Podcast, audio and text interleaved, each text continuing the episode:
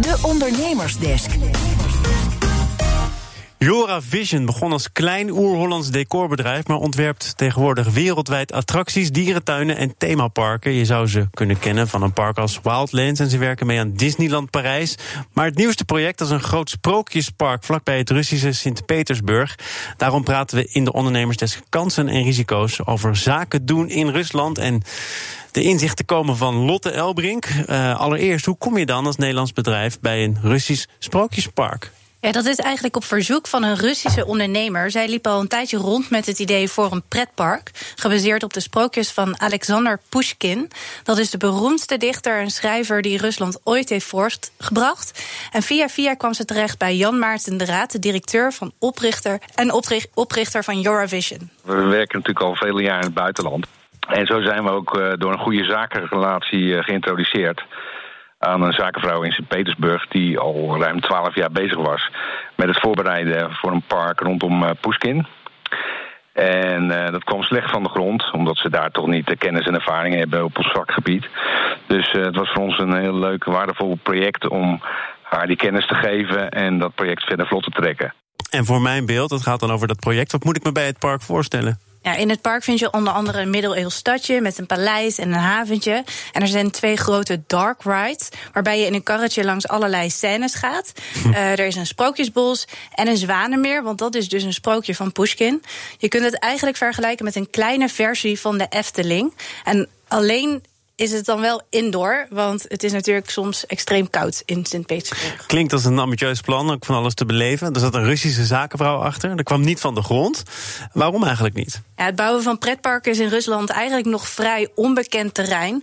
En daardoor waren er een aantal zaken niet zo handig aangepakt. Bijvoorbeeld in Sint-Petersburg zou je zeggen, nou, er komen dan heel veel toeristen wel op af. Nou, dat is in zijn algemeenheid bijvoorbeeld bij een themapark niet in eh, het geval. Dat bouw je met name voor de lokale bevolking. Nou, met dat soort adviezen help je dan zo'n klant verder. Ja, en ook de opzet was, uh, van het gebouw was heel ingewikkeld gemaakt. Terwijl het gaat natuurlijk om de inhoud en niet om de vormgeving van, van het gebouw. Nou, dat soort zaken pak je dan uh, gelijk aan. En dan gaat het hier alleen nog maar over hoe dat park eruit ziet. Maar Rusland zelf is ook niet het meest stabiele land. Wat merken ze daar bij Eurovision van? Nou, soms wordt het geduld wel op de proef gesteld. Eurovision heeft al eens geprobeerd eerdere projecten van de grond te krijgen. Maar dat verliep niet altijd soepel. Vooral financiering vinden blijkt lastig. In Rusland is het uh, investeringsklimaat natuurlijk een beetje ja, instabiel, zou je kunnen zeggen, op lange termijn.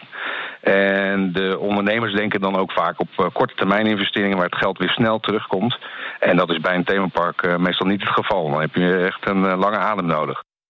Ja, en er is bijvoorbeeld vanuit Europa een zwarte lijst met Russische ondernemer, ondernemers waar westerse bedrijven geen zaken mee mogen doen. En daarnaast gaan de procedures in Rusland ook al trager dan in Nederland. Sowieso de taal en de cultuur natuurlijk van de mensen waar je rekening mee moet houden. Uh, ja, wat wij wel hebben gemerkt is dat er enorm veel uh, bureaucratie is in Rusland. Dus heel veel papierwerk voor goedkeuringen die je nodig hebt om uh, zoiets uh, van de grond te krijgen. Dat klinkt een beetje als uh, één keer maar nooit weer, of ligt het anders in dit geval? Het ligt toch wat anders, want uh, Jan Maarten ziet zeker wel kansen. Uh, dit soort themaparken vind je dus nog niet zoveel in Rusland. Er zijn wel wat initiatieven, onder andere bij wintersportgebied Sochi en in Moskou. Maar dat zijn allemaal overheidsprojecten. En dit is eigenlijk het eerste project vanuit een particuliere ondernemer. Uh, de industrie staat dus echt nog wel in de, in de kinderschoenen.